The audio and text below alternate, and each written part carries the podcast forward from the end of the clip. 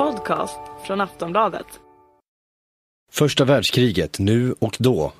Skrivet och uppläst av Peter Kadhammar. Del 4. Gallipoli.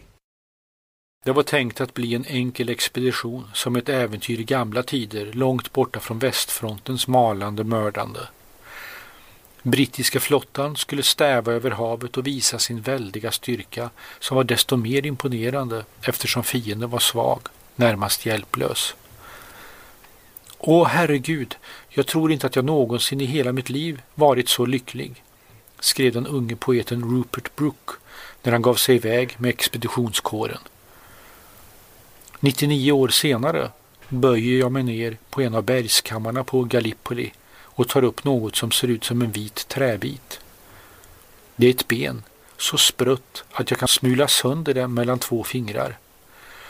Min guide Kenan Selik, amatörhistoriker och pensionerad universitetslärare i litteratur och engelska, tittar på fyndet med förstrött intresse.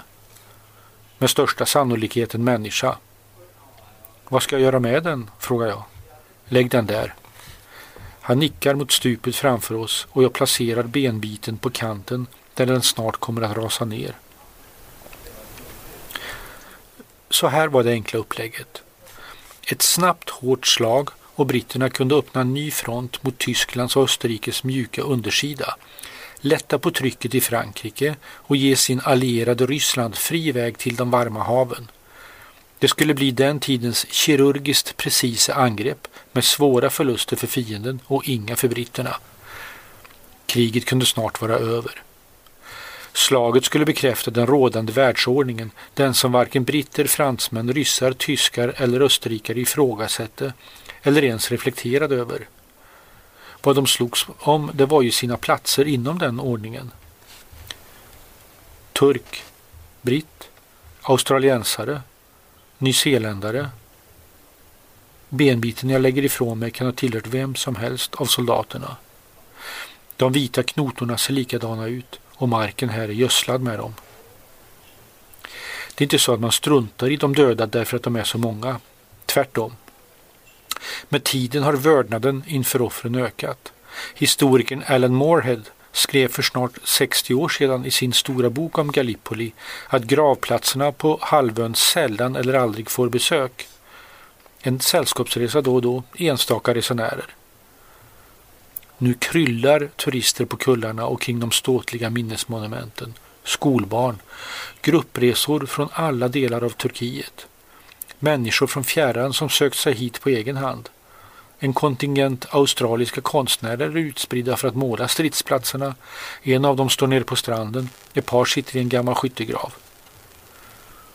De ingår i utbytesprogrammet Din vän fienden. Så sägs australiska och turkiska soldater ha skrivit på lappar när de kastade över cigaretter och mat till varandra. Gallipoli var länge symbol för ett maskineri där beslut efter beslut skulle förbättra situationen, rätta till, korrigera, äntligen ge seger. Istället förvärrade och förstörde besluten. Men halvön markerar också en vändpunkt som var viktigare än krigets omedelbara segrar och förluster. Turkiet, eller Osmanska riket, var ett rike i konstant nedgång. Benämningen Europas sjuke man var en trött klyscha redan 1914. Dess soldater hade gått från nederlag till nederlag i de senaste krigen på Balkan 1912 och 1913 och i stort sett fördrivits från Europa. Den turkiska militären ansågs så demoraliserad, hungrig och uselt utrustad att ingen behövde räkna med den. Landets ekonomi var katastrofal och beroende av utländska banker. De revolutionära så kallade ungturkarna hade tagit makten 1908 och försökte styra det sönderfallande riket genom utskottet för enhet och framsteg. De var mycket riktigt unga, oerfarna, hänsynslösa och ofta omdömeslösa. Turkarna snubblade över till den tyska sidan i världskriget. De kunde lika gärna ha hamnat på britternas. Men nu blev det den tyska sidan. Så britterna, den unge marinmanisten Winston Churchill var pådrivande, bestämde sig för att ta Konstantinopel, den stad som nu heter Istanbul. Jag ser ner på den branta bergssidan och försöker föreställa mig de australiska soldaterna som klättrade upp under beskjutning. De lyckades verkligen. Sedan grävde de ner sig med ryggarna mot stupet och havet. Virvaret av skyttegravar finns till stor del fortfarande kvar uppe i bergen. Med åren har de blivit som mjuka försänkningar i landskapet, skuggade av tallar och enbuskar som inte fanns här för 99 år sedan. Kenan visar en australisk skyttegrav och en turkisk. Den australiska grävdes efter de senaste rönen zigzag för att erbjuda skydd åt sidorna även vid en direktträff. Den turkiska grävdes rak som ett dike eftersom turkarna ännu inte hade några erfarenheter av skyttegravskrigets speciella krav. Det skulle de snart få. Jag stegar avståndet mellan befästningarna på den mjuka, barrtäckta marken. Det är 12 meter. Här låg australier och turkar på en bergsknalle och sköt och kastade handgranater och försökte få tag i granaterna innan de briserade för att slunga dem tillbaka. Om skotten tystnade kunde de tala till varandra i samtalston. Om de stack upp huvudena kunde de se varandra i ögonen.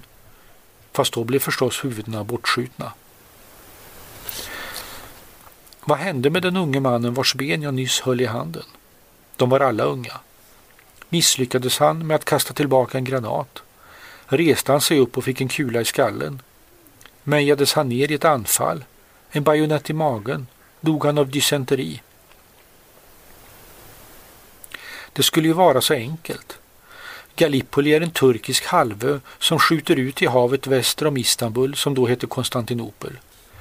Den bildar en europeisk tunga norr om det asiatiska fastlandet. Sundet mellan världsdelarna heter Dardanellerna. Det är den trånga sjövägen mellan Medelhavet och Konstantinopel och Svarta havet. När jag står på den södra spetsen av halvön, Kap Helles, ser jag några trålare kämpa sig upp för sundet. Motorerna hörs på flera kilometers avstånd och blandas med fågelkvittret i olivlundarna. Här låg de uselt rustade, ständigt förlorande turkiska soldaterna och väntade. De var bondsöner i trasiga paltor. De flesta av dem hade inte fått betalt på månader. De var analfabeter. Så kom fienden över havet. Tolv brittiska och fyra franska slagskepp ledde en flotta av minsvepare, kryssare och jagare. Aldrig tidigare hade en sådan styrka skådats i Medelhavet. Brittiska flottan hade i två århundraden haft en obuten rad segrar. Det var den enda orubbliga makten i världen, skriver Alan Moorhead. Snart började bombardemanget. Den brittiska överlägsenheten var så total att de inte ens ansåg sig behöva göra ordentliga förberedelser. Det saknades kartor. Brittiska officerare hade skaffat resehandböcker i Alexandria och Kairo för att ha något att gå efter. Överbefälhavaren general Ian Hamilton var möjligen kompetent men hade också en dragning åt det romantiska. I sin hytt skrev han ner sina tankar. Han skrev och skrev. Citat. En gång i varje generation grips folket av en egendomlig önskan om krig. Det är bara genom intensivt lidande som nationer kan växa. Vi ska åtminstone ha levat, verkat, vågat. Slutcitat. Att se kriget i sådant skimmer var lätt när man hade granater på 870 kilo stycket att skicka mot en fiende som bara förväntades göra en sak, fly. Men britterna gjorde strax en erfarenhet som många överlägsna erövrare före dem. Fienden var svag men hade en förmåga att slinka undan. Han flyttade sina små jämfört med britternas ynkliga kanoner han la några minor på ett sätt som ingen människa kunde begripa vad det skulle vara bra för, i linje längs högra stranden istället för tvärs över sundet. Och britterna hade sån otur att tre, tre slagskepp, de största och mest skräckenjagande vapnen i flottan, första dagen körde på dessa minor där det inte borde finnas några. Plötsligt verkade det inte så lätt att ta Konstantinopel. Borta i krigsministeriet i London började man fråga sig om det ändå inte var nödvändigt att sätta in marktrupper. Den där idén att erövra Konstantinopel enbart med flottan kanske inte hade varit så bra. Jag kliver upp ur den turkiska skyttegraven och går fram till en liten gravplats. Gallipoli är en smal halvö med besvärlig terräng. Berg, raviner, branta klippor, snår och buskar. Det är motsatsen till Flanderns platta landskap där slakten genomfördes under stora breda anfall och krigskyrkogårdarna följdriktigt eh, blev vidsträckta. På Gallipoli var dödandet lika intensivt men skedde så att säga i fickor. Halvön är inte stor. Från högsta punkten ser man Egeiska havets intensivt blå vatten på ena sidan och Dardanellernas mörkare på den andra. 28 massgravar finns här utspridda längs stränderna på åsarna uppe i bergen. Trupperna landsteg för att jaga bort turkarna som envisades med att stanna på Gallipolis klippor och skjuta tillbaka. Och de låg kvar och fortsatte att skjuta när britterna landade på stränderna. Och britterna satte in mer soldater, britter och irländare, australiensare och nyzeeländare, fransmän och indier. Och turkarna låg kvar. Slakten växte till samma dimensioner som den på västfronten i, i Frankrike. Anfall på skyttelinje mot fiendens kulsprutor, kararna föll, fram med en ny linje. Ansaksstyrkan, australier och nyzeeländare, höll ett område på västra halvön som var en kilometer djupt och 7-8 kilometer brett. Det var en trång överbefolkad front där de dödade ständigt ersattes av nya unga slaktoffer. På en plats fattades det fem meter till ett brant stup. Om turkarna kunde kämpa sig fram dessa fem meter skulle de dela Ansakfronten i två delar och splittra fienden. De lyckades inte. Å andra sidan lyckades Ansak inte heller ta sig framåt. Skildringar av striderna blir en skildring av ett förtvivlat utdraget kollektivt självmord. Ett ömsesidigt självmord. Den turkiske befälhavaren Mustafa Kemal gav vid det tillfälle ordern jag befaller er inte att angripa, jag befaller er att dö. Hans statyer och porträtt finns överallt på minnesplatserna. Platsen där hans fickur påstås ha räddat honom från en kula är markerad med fyra runda klot. Den 19 maj 1915 anföll 42 000 turkar i linje efter linje uppe på Röda åsen som fått sitt namn efter jordens färg, inte blodet. Efter drygt sex timmar hade 10 000 man dött och turkarna inte vunnit en meter. Liken i ingenmansland var så många att man ingick vapenvila för att forsla bort dem. Annars skulle stanken bli outhärdlig och sjukdomar utbryta. Vapenvilan höll. Ansakssoldater och turkar talades vid så gott de kunde och bjöd varandra på cigaretter. När de stupade hade begravts gick de levande tillbaka till sina värn och fortsatte att ta livet av varandra. Den första landstigningen skedde i april 1915. Efter 259 dagar drog sig den allierade styrkan tillbaka i januari 1916. De hade då förlorat 265 000 man i döda, sårade och saknade, skriver historikern John Keegan. Ingenting var vunnet. De dog och lemlästades för absolut ingenting. Och den entusiastiske poeten Brooke, han fick solsting och dog innan striderna ens hade börjat. Talen är så fasansfulla att de måste ha någon betydelse.